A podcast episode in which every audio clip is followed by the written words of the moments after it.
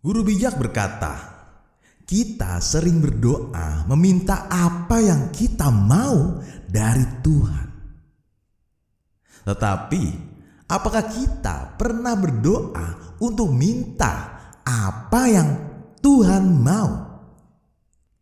Pertanyaan renungan buat kita bersama: jika kamu mau sukses, nilai-nilai positif apa yang kamu petik dari kalimat tersebut?